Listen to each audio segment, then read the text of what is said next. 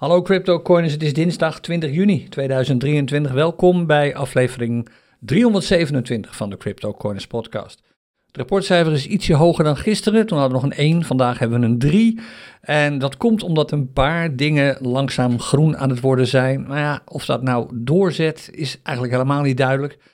Gisteren was een feestdag in Amerika. Dat betekent ook dat uh, de instanties in Amerika die op dit ogenblik voor een hoop paniek kunnen zorgen, met name natuurlijk de SEC, de waakhond, gisteren een dagje vrij hadden. Er gebeurde dus niet zoveel en de markt wacht duidelijk een beetje af.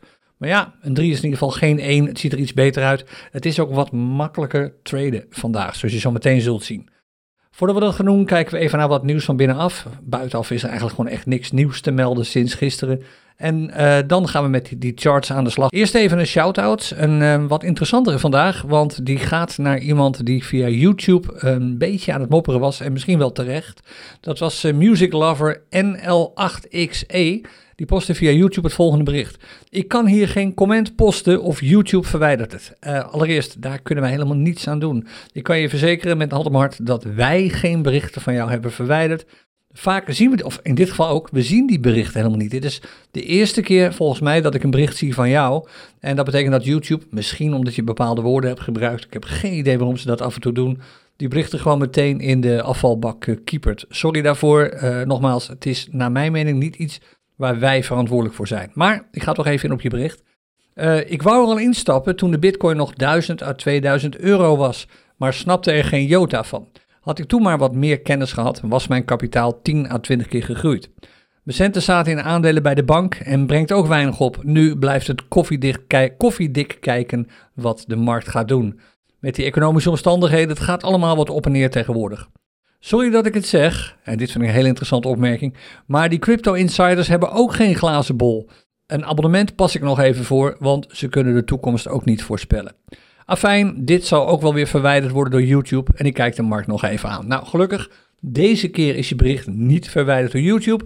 En ik wil toch even ingaan met uh, een paar tips op datgene wat je schreef. Allereerst, wat het voorspellen van de toekomst betreft. Dat kan echt helemaal niemand.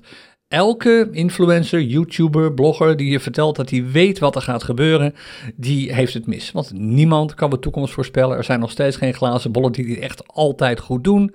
Het enige wat je eigenlijk kunt doen als je bezig bent met dit vak, en daar bedoel ik met name natuurlijk het analyseren van die charts mee en het analyseren van de prijsontwikkelingen. Het enige dat we kunnen doen is kijken naar wat er al is gebeurd in het verleden en daar bepaalde patronen in herkennen. En op basis daarvan een verwachting uitspreken. Maar die verwachting komt niet altijd uit. Afhankelijk van hoe goed een technisch analist is en hoe bewegelijk en paniekerig de markt is, heb je scoringspercentages van 70 à 80 procent of hoger. Maar een gegarandeerd werkende toekomstvoorspelling, die is natuurlijk niet. Het gaat altijd alleen maar om verwachtingen. Dus dat is het slechte nieuws. Maar dat betekent niet dat je niet toch zou kunnen instappen of zou kunnen beleggen in deze markt. Er zijn meer dan genoeg manieren om dat te doen met een relatief laag risico. Kijk, eerlijk is eerlijk, risico loop je altijd. Beleggen is altijd een risico. Dus je wilt dat ook nooit doen met geld dat je niet gewoon vrij ter beschikking hebt en dat je eigenlijk nergens anders voor nodig hebt. Dus nooit met geleend geld. Nooit met geld dat je misschien over een paar jaar nodig hebt om een groot bedrag te betalen. Bijvoorbeeld een, een studiebedrag of iets dergelijks. Alleen maar met bedragen die je echt kunt missen. En dan zou je bijvoorbeeld eens kunnen kijken naar een beleggingssysteem zoals DCA, Dollar Cost Average. En ook daar bestaan weer allerlei verschillende variaties van. Maar een simpel voorbeeld is, in plaats van te zeggen van nou, ik heb toevallig, laten we zeggen, 500 of 1000 euro over om te beleggen, in plaats van dat in één keer bijvoorbeeld in crypto, in bitcoin of zo te stoppen, zou je kunnen zeggen, ik hak dat bedrag in stukjes, bijvoorbeeld in 20 stukjes van elk 50 euro of in 50 stukjes van elk 20 euro. En elke week of elke maand koop ik daarvoor een beetje bitcoin. Dan profiteer je van prijsdalingen en prijsstijgingen hakken er niet zo zwaar in op het moment dat je aan het kopen bent. Dus als je koopt terwijl de prijs ondertussen is gestegen, hakt dat er niet zo zwaar in. En als je koopt terwijl de prijs is gedaald, profiteer je juist van die prijsdaling. Dit systeem, het wordt dus dollar cost averaging genoemd, DCA, wordt heel vaak gebruikt, omdat het eigenlijk alle emotie uit je beleggingen haalt. En er zijn allerlei variaties op. Je kunt ook DCA gebruiken om meer dan één ding te hebben waar je in belegt, meer dan één munt bijvoorbeeld, en vervolgens die met elkaar in balans te brengen. Dat is een soort gelijk systeem. Je zou kunnen overwegen om eens te kijken naar de video's die wij hebben staan op onze speciale startpagina www.cryptocoins.nl/start. En waar ik je ook voor zou willen uitnodigen, um, Music Lover NL8XE, dat hebben we in ieder geval gemeen, ik ben ook gek op muziek, is eens langs te komen in ons CryptoCoins Café. Dat is elke woensdagavond, in principe elke woensdagavond. Morgenavond zijn we er ook weer. En daar kun je alle vragen stellen, meningen uiten die je maar wilt, mits ze ook maar een beetje te maken hebben met crypto. En wellicht krijg je daar ook antwoorden of inzichten die je zou kunnen toepassen. Want het is echt niet zo dat je een ongelofelijke expert moet zijn op dit ogenblik het komen naar een niveau van ik snap er geen jota van, zoals jij zegt, naar van nou, ik weet er eigenlijk genoeg van om heel voorzichtig te beginnen met beleggen. Kost eigenlijk niet zoveel moeite en tijd. Dus sta open voor wat interessante suggesties en antwoorden. En kom gewoon eens langs. En overigens bedankt voor je reactie. En nog één dingetje tot slot. Een abonnement heb je echt niet nodig. Wij doen eigenlijk niet echt aan abonnementen. We hebben Patreon. Dat is met name bedoeld voor mensen die echt serieus aan de slag willen met geld. Niet eens alleen met crypto, maar ook met geld. En serieus aan de slag willen met het opbouwen van vermogen. Die zichzelf min of meer willen zien als een money professional. Maar dat is waarschijnlijk op dit ogenblik nog niet waar jij nu bent. Dus waarom zou je dan inderdaad een betaald abonnement nemen? Absoluut niet nodig. Zeker niet bij CryptoCoins. Misschien zie ik je in het CryptoCoins Café eerdaags. En dat even voor wat betreft de reactie van Music Lover. Dan nog even wat nieuws van onszelf. Gisteren is er een nieuwe aflevering online gekomen van de Money Professionals podcast. Gaan we uitgebreid in op vermogensopbouw. 10 belangrijke tips van mensen die dat al voor elkaar hebben gekregen. Morgenavond om half acht is het CryptoCoins Café weer open. www.cryptocoins.nl slash café. Je kent de link waarschijnlijk wel. En overmorgen gebeuren er maar liefst twee dingen. Allereerst donderdagavond om half acht is Kay van haar met het CryptoCoins Clubhuis. En donderdagmiddag, maar dit geldt alleen voor mensen die op ons Patreon-platform zitten. Vanaf drie uur geeft Kay van een live sessie daar met daarin een aantal live trading reviews. Uh, reviews van trades die hij zelf al heeft gedaan. En uh, hij vertelt je op basis waarvan hij in die trade is ingestapt en ook uitgestapt. En wat met name ook zijn mindset was op het moment dat hij die trades ging doen. De melding hierover vind je trouwens ook al op uh, Patreon. Dan nog even wat Binance betreft. Vorige week vrijdag heb ik een uitgebreide livestream hierover gehouden. De video daarvan vind je nog steeds op ons YouTube-kanaal. En eerder komen we met een aantal tips en adviezen op basis van beraad dat we nu zelf aan het voeren zijn. Hoe je kunt omgaan, serieus kunt omgaan en maatregelen kunt nemen uh, met het feit dat Binance uit Nederland vertrekt. Als je tot nu toe Binance gebruikt, bijvoorbeeld om op te handelen, uh, de Binance debitcard om mee te betalen en als je in Nederland woont. Want voor de zekerheid, als je niet in Nederland woont, heeft het vertrek van Binance verder geen enkele impact op jou. Dit geldt alleen voor mensen met een adres in Nederland dat bij Binance bekend is. Genoeg daarover, daar komen we absoluut nog op terug binnenkort. We gaan maar even naar de charts. En mocht je dit op YouTube volgen, dan zie je nu de Bitcoin dagchart in beeld. Bitcoin versus de dollar op Bitstamp. En die dagchart is echt interessant. We hebben het er gisteren over gehad. Toen zei ik van nou, ik weet niet zeker, zijn we nou nog op weg naar een trough, naar een dal, of hebben we het echt bereikt? Nou, nu kun je duidelijk zien, de chart heeft zich echt verder ontwikkeld. We zitten in een stijgende lijn. En dat betekent dat we nu absoluut te maken hebben met een nieuwe piek waar we naar op weg zijn. Misschien hebben we hem al bereikt, dat is dan vandaag. De piek van gisteren, of de high van gisteren, die is inmiddels weer overtroffen. Op dit ogenblik is het, we zitten weer boven de 27.000 dollar qua prijs, of we zaten er even boven. Dat is voor de laatste keer gebeurd uh, bijna twee weken geleden. Af uh, woensdag 7 juni was dat, toen was dat de openingsprijs. Nou, we zijn er vanochtend al eventjes boven gekomen. Op dit ogenblik staan we er weer wat onder. Maar er zijn een paar hele interessante dingen op deze charts te zien.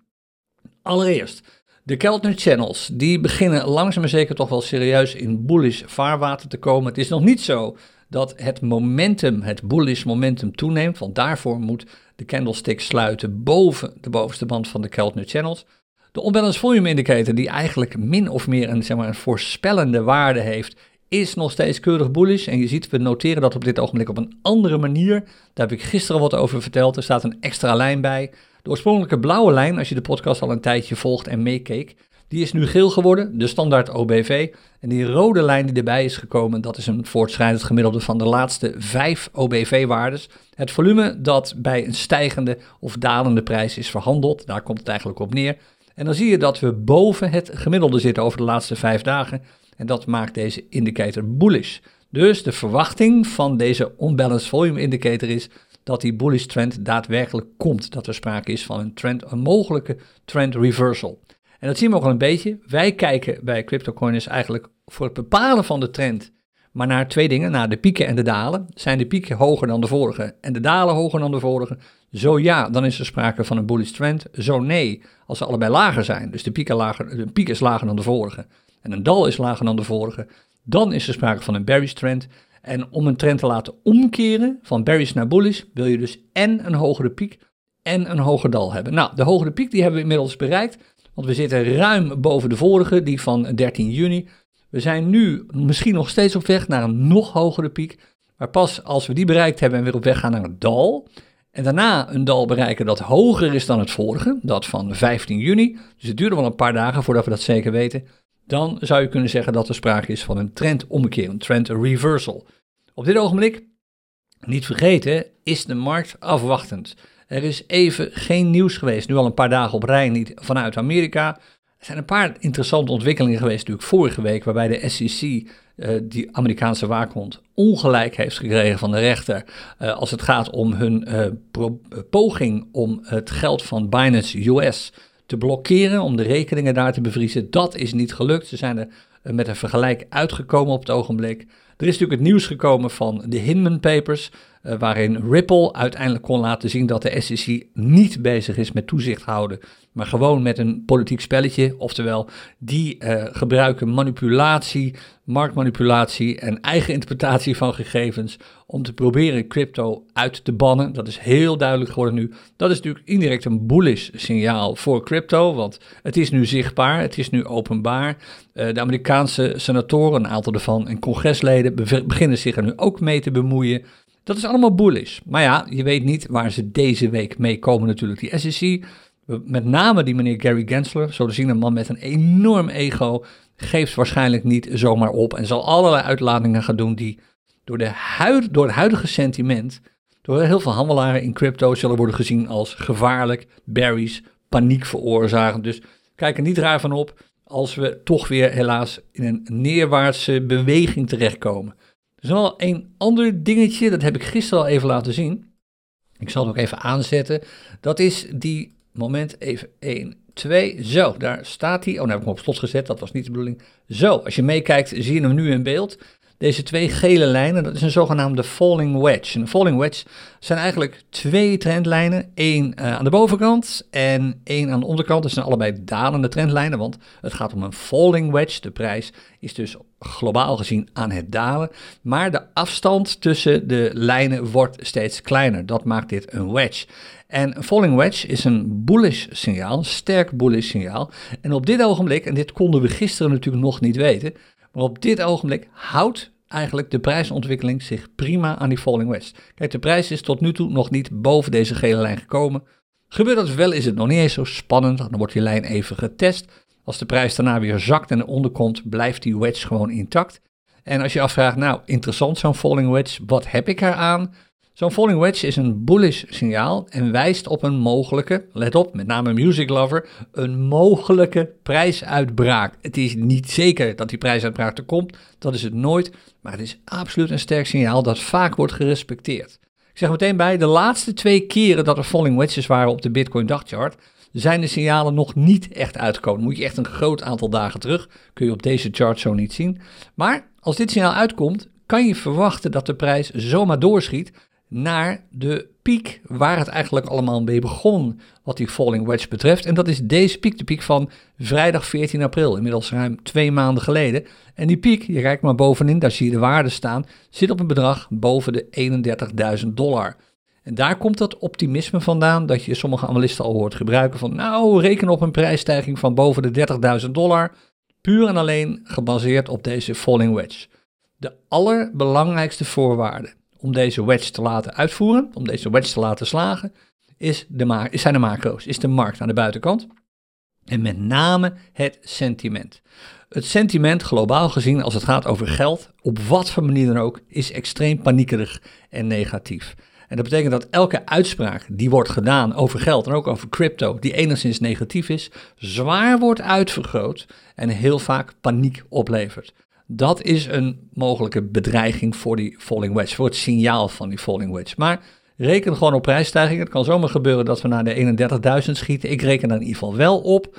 Het is niet zo, en dit zei ik volgens mij gisteren ook al, ik weet niet of dat in de podcast was.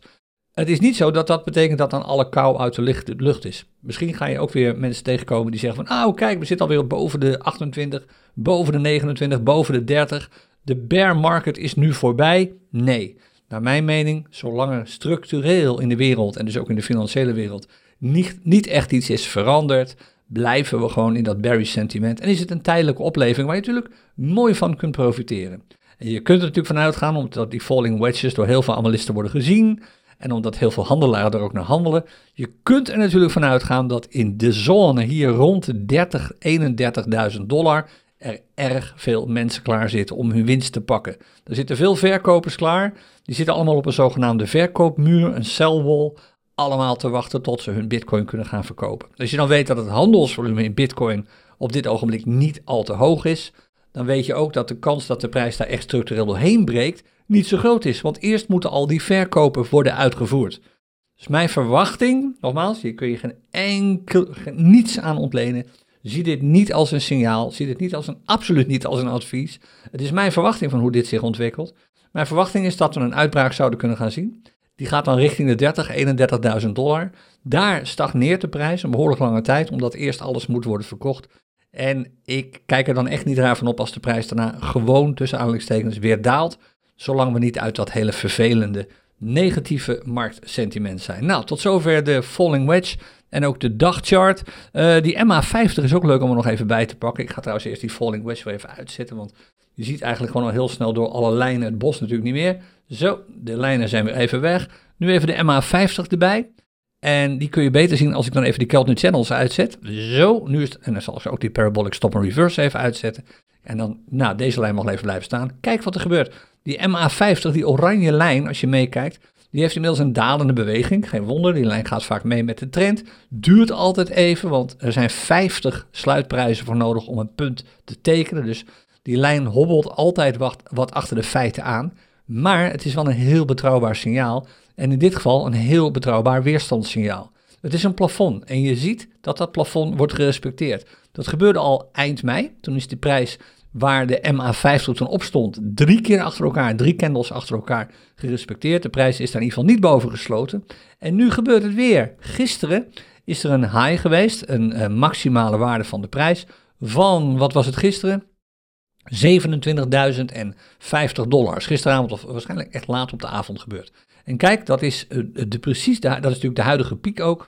Nee, die hebben we vandaag al gepakt. Het is ieder geval de prijs die de MA50 toen ook had. De prijs is er niet doorheen gebroken.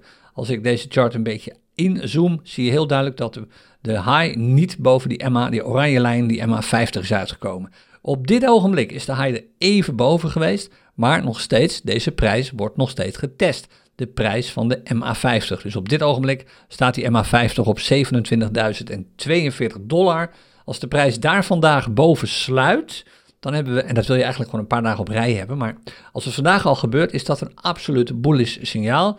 Het wordt pas echt serieus bullish als dat een paar dagen op rij gebeurt. Als we een paar dagen op rij, uh, een beetje zoals je hebt gezien, en dan moeten we echt even ver terug in de tijd. Je hebt gezien uh, in de periode van maart afgelopen jaar, uh, dit jaar, als de prijzen drie dagen boven sluit, wat je hier ziet gebeuren, drie dagen op rij, zie je daarna dat de prijs ook daadwerkelijk gaat stijgen en er heel lang boven blijft. Dus dan kun je die MA50 zien als een belangrijke vloer, een belangrijke supportlijn. Nou, op dit ogenblik is het dus een belangrijk plafond. We wachten op drie dagen op rij waarop de prijzen boven sluit. Dat is in ieder geval mijn persoonlijke criterium altijd. Andere analisten hebben andere criteria. Ik gebruik altijd drie dagen op rij. Als dat gebeurt, dan wordt die MA50 serieus en dan wordt het signaal serieus. En dan zou die dagchart wel eens sneller dan wij allemaal denken kunnen omkeren van uh, bearish naar bullish. Daar hebben we sowieso nog een paar dagen voor nodig. We zijn nu op weg naar een nieuwe piek, ik zei het al. Misschien is de piek van vandaag de nieuwe piek dan gaat de prijs weer dalen. En dat betekent dat we een paar dagen nodig hebben om een nieuw dal te herkennen. Dus Als het nu zou omkeren, gebeurt dat op zijn vroegst eind van deze week. En dat komt dan mooi overeen met die drie dagen dat de prijs boven de MA50 moet staan. Dus waar ik op let de komende paar dagen is A. Sluit de prijs boven die MA50. Super belangrijk. En B, gaan we op weg naar een nieuw dal en bereiken we dat dal ook, doordat de prijs daarna alweer vrij snel opveert. Als dat gebeurt, is de trend op de dagchart eindelijk weer bullish geworden. Dat is mooi, want we zijn al een tijd lang bearish op de dagchart. Veel mensen kunnen niet wachten totdat je hier in ieder geval een bullish signaal ziet. De voorloper van een bullish dagchart is de urenchart. En dat zag er gisteren allemaal nog een beetje matig uit. Een zijwaartse beweging in een, je zou kunnen zeggen, licht dalende trend. Nou, dat feest is inmiddels van tafel gelukkig. We zien nu dat er een behoorlijke afstand is tussen die MA20 en die MA50. De MA20 is die gele lijn, de MA50 is die oranje lijn op de urenchart. De MA20-lijn is met behoorlijk wat afstand vervolgens door die MA50-lijn heen gebroken. Dat is een bullish signaal. De pieken en de dalen worden nu ook weer hoger. Dat is eigenlijk al het geval sinds gistermiddag. Uurtje of twee, toen begon het, hadden we voor het eerst weer echt een hogere piek en een hoger dal.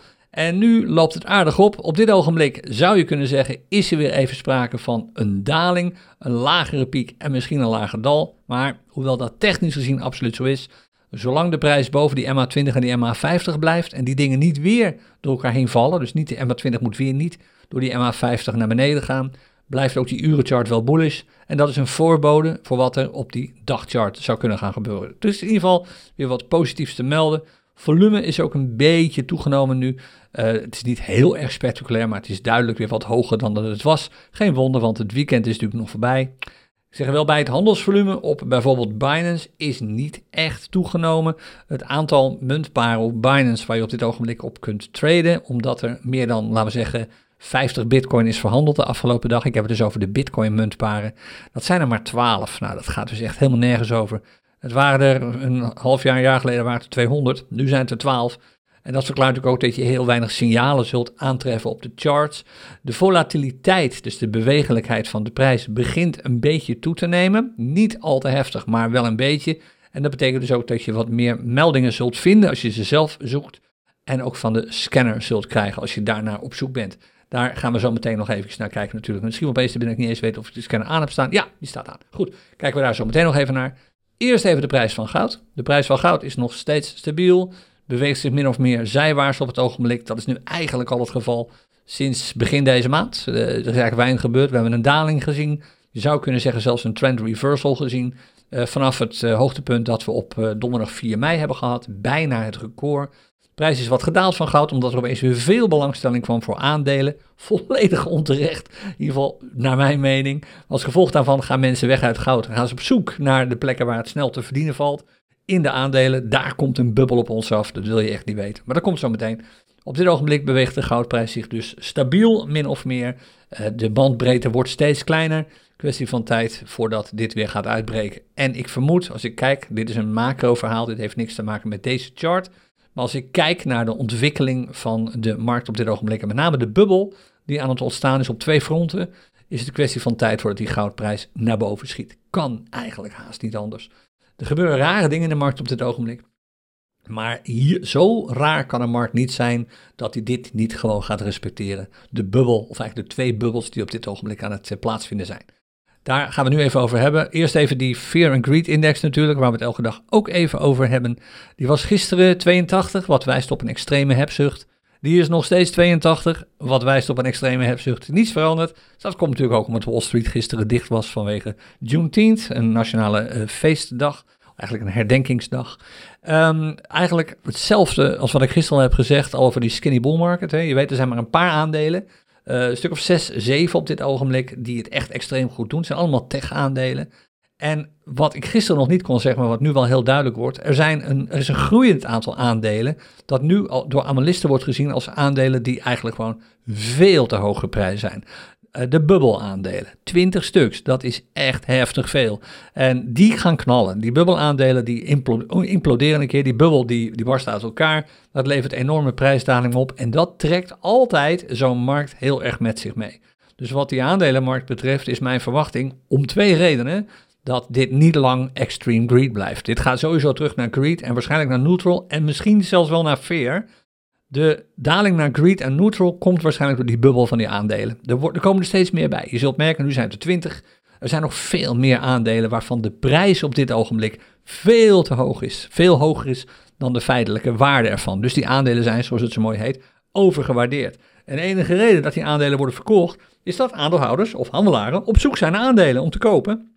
Omdat goud niet stijgt, ze willen vermogen pakken. Ze kunnen het ook niet echt halen uit obligaties op dit ogenblik. En dat betekent, want de inflatie is gewoon te hoog. Dat betekent dat ze op zoek gaan naar de beste manier om snel aan geld te komen. En ja, dan wordt het soms toch wel een klein beetje speculeren, meeliften met de trends. Je zou bijna kunnen zeggen trending market strategie. Maar in dit geval is die trend echt gewoon nergens op gebaseerd. Want de waarde die onder die aandelen zit, is gewoon veel lager dan prijs ervan. Dus dat is één. Dat is min of meer nieuw. Dat begint nu duidelijk te worden dat die skinny bull market echt bestaat. Maar er is nog iets aan de hand. En hier hebben we het gisteren even over gehad. Dat is dat verhaal met die verdraaide bank in Amerika. Nou, ik ga niet alles herhalen wat ik gisteren heb gezegd. Ik heb het gisteren al verteld dat er echt gewoon een hoop geld wordt verloren op dit ogenblik omdat uh, klanten van banken gewoon massaal hun geld opnemen. De Amerikaanse banken, met name de kleinere jongens, die moeten flink lenen van de Amerikaanse centrale bank om te voorkomen dat ze in de liquiditeitsproblemen komen, om te voorkomen dat er een bank, het effect van een bankrun ontstaat. Een bank valt dan om. Er is alleen al uh, in uh, de laatste vier weken zo'n 100 miljard geleend door die bank om te voorkomen dat het fout ging. En hoe kan het dan? Nou, het geld dat is ingelegd door bankrekeninghouders is vervolgens gebruikt om hypotheken uh, te, um, uit te um, geven, om uh, te investeren in bijvoorbeeld beleggingen en aandelen. En het probleem met die hypotheek is, een aantal ervan wordt al niet eens meer terugbetaald. Met name die hypotheken die gaan over bedrijfsonroerend goed, omdat er gewoon geen geld meer is. Dat onroerend goed staat zwaar onder druk.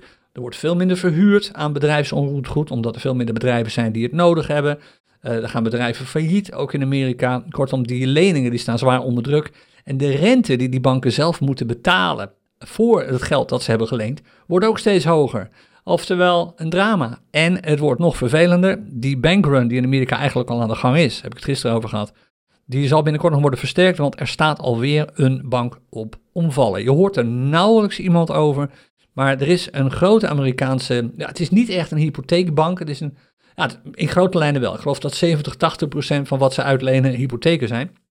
En de rest zijn dan gewone leningen. Dat is loondepot. En uh, loondepot, de naam, als je wel eens in Amerika bent geweest, dan ken je misschien wel die Amerikaanse doe-het-zelf-markt, zoals Home Depot, een van de grootste partijen op dat gebied. Die vind je echt op elke, uh, in, bijna op elk uh, groot Amerikaans winkelterrein vind je wel een Home Depot. Nou, je hebt dus nu ook Loon, of die heb je al een tijd lang, Loon Depot. dat is een bank die zwaar, zwaar onder druk staat. Uh, eigenlijk staan ze op het punt om gewoon om te vallen. Ze hebben vorig jaar meer dan 600 miljoen verloren. En dat hebben ze gedaan nadat ze nog eens een keer 6000 banen hadden geschrapt. Oftewel, deze bank schrijft zwaar rode cijfers, is amper meer overeind te houden. En er zijn nu al mensen die zeggen dat dit gewoon de volgende bank is die zal omvallen. Een van de gasten trouwens die dat roept is eh, Robert Kiyosaki, die ken je misschien wel. Uh, dat is de man die Rich Dad, Poor Dad heeft geschreven. Even los wat je van Kiyosaki zelf vindt, want zijn zakenpraktijken zijn nog niet altijd praktijken die ik zelf, waar ik me echt mee kan verenigen. Maar de man snapt wel hoe dit spelletje werkt. En hij heeft ook al gezegd, dat gaat niet goed daar met het loondepot. Dit is gewoon een bank die gaat omvallen. En hij verbaast zich er ook over dat niemand dit signaal serieus oppakt. Kijk, wat je kunt verwachten is dat de Amerikaanse centrale bank hier natuurlijk niks over zegt. Die gaan echt niet zeggen, ja, we hebben een probleem met loondepot. Een van onze commerciële banken die heeft het zwaar. Nee hoor, die zullen gewoon zeggen, mensen, Ga rustig slapen. Er is helemaal niks aan de hand. Wij zorgen voor u. Nou ja, de vraag is hoe serieus je zo'n signaal moet nemen. Mijn ervaring is niet, als een centrale bank tegen je zegt dat alles goed gaat, dan is het echt reden om je zware zorgen te maken. En dat geldt steeds weer. Je hoort nu de Nederlandse bank zeggen dat ze toch niet hadden verwacht dat de inflatie zo hoog zou worden en zo lang zou duren. Dan denk ik bij mezelf, wat hebben jullie gerookt? Dit kan iedereen zien. Met een eh, één of twee jaar economie op school is dit te zien. Dus wat hebben deze gasten gedacht? Naar mijn mening worden er gewoon veel te vaak verhaaltjes gehouden door die centrale banken van mensen, het komt allemaal wel goed, ga maar lekker slapen, wij zorgen voor jullie. Nou, nu dus ook weer. De Fed gaat het verhaal van Loondepot echt niet, echt niet openbaar uh, verspreiden. Dat doen andere partijen wel en het enige wat de Fed zal doen is zeggen van, maak je geen zorgen. En ik zei het net al, als centrale banken zeggen dat je je geen zorgen moet maken, maak je dan zorgen. Dus Afwacht hoe dit gaat. Dit is berries, zwaar berries voor de aandelenmarkt. Want een volgende bank die omvalt, gaat de stemming daar omdraaien van extreme hebzucht naar angst. En als dat gebeurt, zul je zien dat al die opgeblazen aandelen opeens in de aanbieding gaan. Die worden verkocht tegen de best mogelijke prijs. Dan keldert dit zomaar in een noodvaart van extreme angst, of sorry, van extreme hebzucht naar angst. Dat kan sneller gaan dan je denkt. En mijn verwachting is dat dit gewoon gaat gebeuren. Dit kan bijna niet anders. Ik ben heel benieuwd of ik gelijk krijg. Als je structureel oneens bent met mijn verwachting, graag een reactie op YouTube. Hou het constructief alsjeblieft. Ga niet lopen schelden, want A, YouTube pakt dat meteen op. Ik zie die berichten niet eens. En anders doen onze moderators dat wel. Daar zit niemand op te wachten. Maar als jij een structurele reactie hebt en je zegt van nou, ik vind dat het niet omkeert. Ik denk dat we nog wel een tijdje heel oververhit blijven, extreem hebberig blijven. Want daar en daarom wil ik het graag lezen. Je hebt grote kans dat ik je reactie ook eventjes erbij haal als een shout-out natuurlijk in de, in de podcast. Dus tot zover Wall Street. Dit ziet er gewoon niet goed uit, hoe goed het er ook uitziet, als je snapt wat ik bedoel. Dan de heatmap. Die is eh, groen. En dit verklaart uh, twee punten van het, uh, het crypto rapportcijfer. Eindelijk weer eens een keertje een groene heatmap. Er zijn natuurlijk wat munten die het wat minder goed doen. BNB heeft niets te maken met Binance Nederland natuurlijk, maar gewoon alles met ontwikkelingen wereldwijd wat Binance betreft. Binance heeft gisteren aangekondigd dat ze zich terug gaan trekken uit Engeland. Uh, dat is interessant, want ze waren voor ons niet actief in Engeland. Wij hebben, of als je in Engeland woont en je bent een retail trader, kon je niet op Binance traden, maar ze waren druk bezig met het uh, verkrijgen van licenties. Daar zijn ze nu even mee gestopt, dus ook daar zijn ze inmiddels niet meer actief. Het zou mij niet verbazen, ik heb geen voorkennis op dit gebied, maar het zou mij niet verbazen als we dit in wat meer landen in Europa gaan zien natuurlijk. Binance is duidelijk, naar mijn mening, duidelijk bezig om zich voor te bereiden uh, op Mika. Er is ooit een tweet gepost door een hoge pief bij Binance, iemand volgens mij uit het legal team. Die tweet is trouwens verwijderd, waarin hij zei van uh, op dit ogenblik ligt onze volle focus op het uh, bereiken van een 100% MICA-status. We, we, willen meteen aan de licentievoorwaarden voor MICA voldoen, 100%. die ik zei het al, die tweet is verwijderd. Want hij zei nog iets interessants. Wij denken, zei hij in die tweet, dat we er wel voor 80 à 90 procent zijn. Interessant dat die tweet is weggehaald. Waarschijnlijk heeft hij voor zijn beurt gesproken. Ik weet niet of het een legal man was of een commerciële jongen. In ieder geval, het was een hoge pief bij Binance. tweet is weggehaald, maar de tweet heeft er gestaan. Dit is natuurlijk ergens op gebaseerd. Ja, en het verklaart natuurlijk waarom Binance zegt van ja, waarom zouden we ons nu bezighouden met die, die, die centrale banken, die lokale centrale banken zoals DNB en de centrale bank van Cyprus. Als we weten dat we dit gewoon op een veel hoger niveau kunnen spelen. En dan worden natuurlijk die centrale banken worden gewoon overruled door, het, uh, door de MICA-wet, of de MICA, implementatie van MICA. Maar dit is natuurlijk pas eind volgend jaar. Nou, dit heeft ook wat, legt wat druk op BNB. Maar er zijn ook goede dingen te melden op dit ogenblik, ook wat Binance betreft. Ze zijn druk bezig om het Lightning-protocol, Bitcoin Lightning-protocol te integreren als het gaat om het storten van crypto. Wij in Nederland gaan er natuurlijk relatief weinig van merken, want voor ons gaat Binance in de loop naar 17 juli op slot. Als trader ben je op, uit mijn hoofd, 12 juli geloof ik, ben je klaar. Dan uh, kun je niet meer uh, traden op Binance. Eventuele trades die je nog hebt staan lopen dan nog twee dagen door. Maar uiterlijk de 14e worden die trades ook gestopt. In de praktijk betekent dit waarschijnlijk dat je zo rond 9, 10 juli 9 à 10 juli wel wil stoppen met traden op Binance, want daarna heb je wat minder invloed op je trades en wat minder controle erover. Ja, en dan uh, is het gewoon wachten op een volgende partij uh, die je zou kunnen gebruiken in plaats van Binance, totdat Binance hopelijk en wellicht, je weet maar nooit, weer terugkeert op Nederlandse bodem als dat Mika-verhaal erdoor is. Of als misschien, je weet het maar nooit, toch die Nederlandse bank nog een keertje wijzer wordt. Het zou mij verbazen, want nogmaals, uh, die nemen zulke rare beslissingen. Goed, Genoeg daarover. Ripple, kleine dip. Dit is winstneming, niks anders dan dat. Want wat Ripple betreft is er op dit ogenblik eigenlijk alleen maar goed nieuws uh, te melden. De marktdominantie van Bitcoin begint te stijgen. Dit is al vrij lang 47%, maar nu gaat het naar de 48% toe. Zo doorgaat. Kwestie van tijd voordat we door de 50% heen schieten. En dit heeft natuurlijk alles te maken met het teruglopende vertrouwen in altcoins en de teruglopende prijzen van altcoins. Die we hebben gezien. Hè. Veel coins hebben een behoorlijke knal gehad toen uh, de SEC begon te melden dat dat eigenlijk allemaal effecten zijn. Wat natuurlijk onzin is, dat kunnen zij niet zomaar eventjes roepen en dan een paar weken later weer wat anders roepen. Maar ja, de markt reageert er angstig op, dus de prijzen van veel altcoins zijn lager geworden. De prijs van Bitcoin is structureel gestegen de laatste weken, bijna boven de 27 nu. Dat maakt de market cap automatisch groter en dus ook de dominantie. Kwestie van tijd, denk ik, voordat we door de 50% heen knallen. Tijd niet gezien. Weet je dat we al marktdominantie hebben gezien van 70%? Toen voorspelde iedereen het einde van alle altcoins, want Bitcoin was zo dominant. Nou, je ziet, dat is niet gebeurd. Zo'n markt houdt zichzelf eigenlijk altijd eh, heel mooi in evenwicht. Nog even de CryptoCoiners scanner erbij. En dit is een duidelijk ander beeld dan we gisteren hebben gezien natuurlijk. Gisteren was er eigenlijk geen melding te zien. Er zijn er nu wel wat. Er zijn niet zo heel veel. Zoals je ziet, sinds ik begon met het opnemen van deze podcast, in ieder geval met de voorbereiding ervan, hebben we er een stuk of tien gehad. Nogmaals, het is niet zo heel veel. Maar je ziet, er zijn zelfs marktparen, laat ik ze niet overdrijven, het zijn niet heel veel, die al bullish zijn. Kijk bijvoorbeeld naar eh, APT, de markttrend voor deze munt is bullish, 44,5%. En kijk naar SUI, de markttrend voor deze munt, nog niet eens zo lang, uh, bestaat nog niet eens zo lang, is onlangs geïntroduceerd als onderdeel van een token launch op Binance, een token launch of een launch, launch pool, dat weet ik niet meer. Maar is in geval geïntroduceerd, uh, eh, 76% bullish op het ogenblik. Er zijn dus trade mogelijkheden. Het is niet spectaculair veel, maar het is duidelijk meer dan dat het gisteren was. Nou, wat de barometer betreft, dus de prijsontwikkeling van uh, al die munten, als je ze met bitcoin zou kopen, dat ziet er allemaal nog niet al te spectaculair uit. Het is zelfs negatief op dit ogenblik. Dat betekent dat als je de standaard cryptocurrency methode gebruikt op dit ogenblik, beetje uitkijken, want alles wordt eigenlijk duurder. Of sorry, goedkoper. Als je iets koopt nu met bitcoin, uh, is de kans dat je het voor minder moet gaan verkopen relatief groot, omdat de prijzen ervan aan het dalen zijn. De prijzen zijn gemiddeld gezien lager dan een uur geleden lager dan vier uur geleden en lager dan een dag geleden. Wat bemoedigend is, en dat vind ik eigenlijk interessant dan het feit dat je nu misschien even niet kunt traden met de cryptocurrency methode. Wat bemoedigend, is, is dat die percentages wat oplopen. Het is nog steeds niet al te veel, 0,2%, maar het is gelukkig niet meer min 0%, oftewel kleiner dan 0,1. Het is nu al 0,2 en het dagverschil is een procent. Dit wijst op volatiliteit. De prijzen bewegen wat meer. En volatiliteit is meestal een gevolg van meer volume, hoewel je dat nog niet echt terugziet.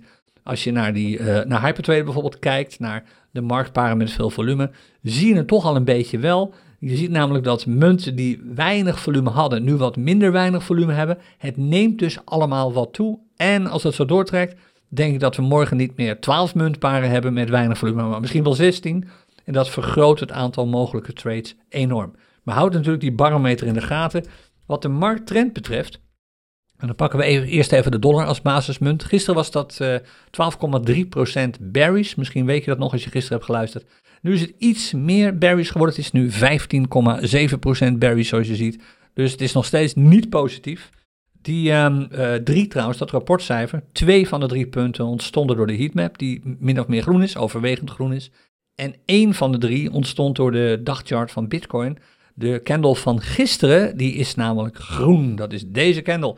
En dat verklaart, dat geeft een extra punt. Dus vandaar dat we vandaag aan drie punten komen. Gisteren was de candle rood, dat was deze toen, die was dus rood. Gisteren was de, uh, de heatmap was ook rood en dat leverde nul punten op. Nou, nu zijn het in ieder geval drie. Dat is goed nieuws. De markttrend, net al even gezegd, dat is deze. Die staat nu op 15,7% bearish voor de dollarmarkt. Vandaar dat je relatief uh, weinig, ook als je met de dollar als basismunt handelt, weinig meldingen zult krijgen waarbij je echt markttrend ziet die bullish zijn. Dus ook voor de cryptocurrency 2 strategie. Het blijft een beetje oppassen. Echt makkelijk gaat het allemaal niet.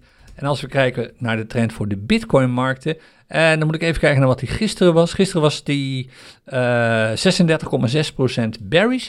En nu is hij meer bearish geworden, ook al 40,1% bearish op dit ogenblik. Dus dit ziet er ook allemaal gewoon niet echt lekker uit.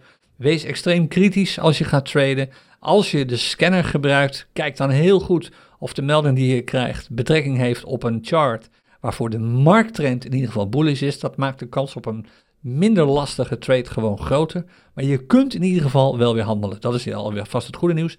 Misschien gaan we dat morgen ook doen. Je weet maar nooit bij de CryptoCoins Café bijeenkomst om half acht via YouTube www.cryptocoins.nl slash café. En als je daarbij kunt zijn, ben je natuurlijk van harte welkom. Je kunt er ook vragen stellen. Oh, we gaan morgen helemaal niet handelen. We gaan morgen iets heel anders doen. We gaan morgen namelijk altcoins analyseren. Dat had ik voor, uh, gezegd. Sorry daarvoor. We gaan morgen niet traden. We gaan morgen op verzoek van een groot aantal mensen die er vorige week bij waren. We gaan morgen een aantal altcoins oppakken. Die we door de technische analyse molen heen jagen.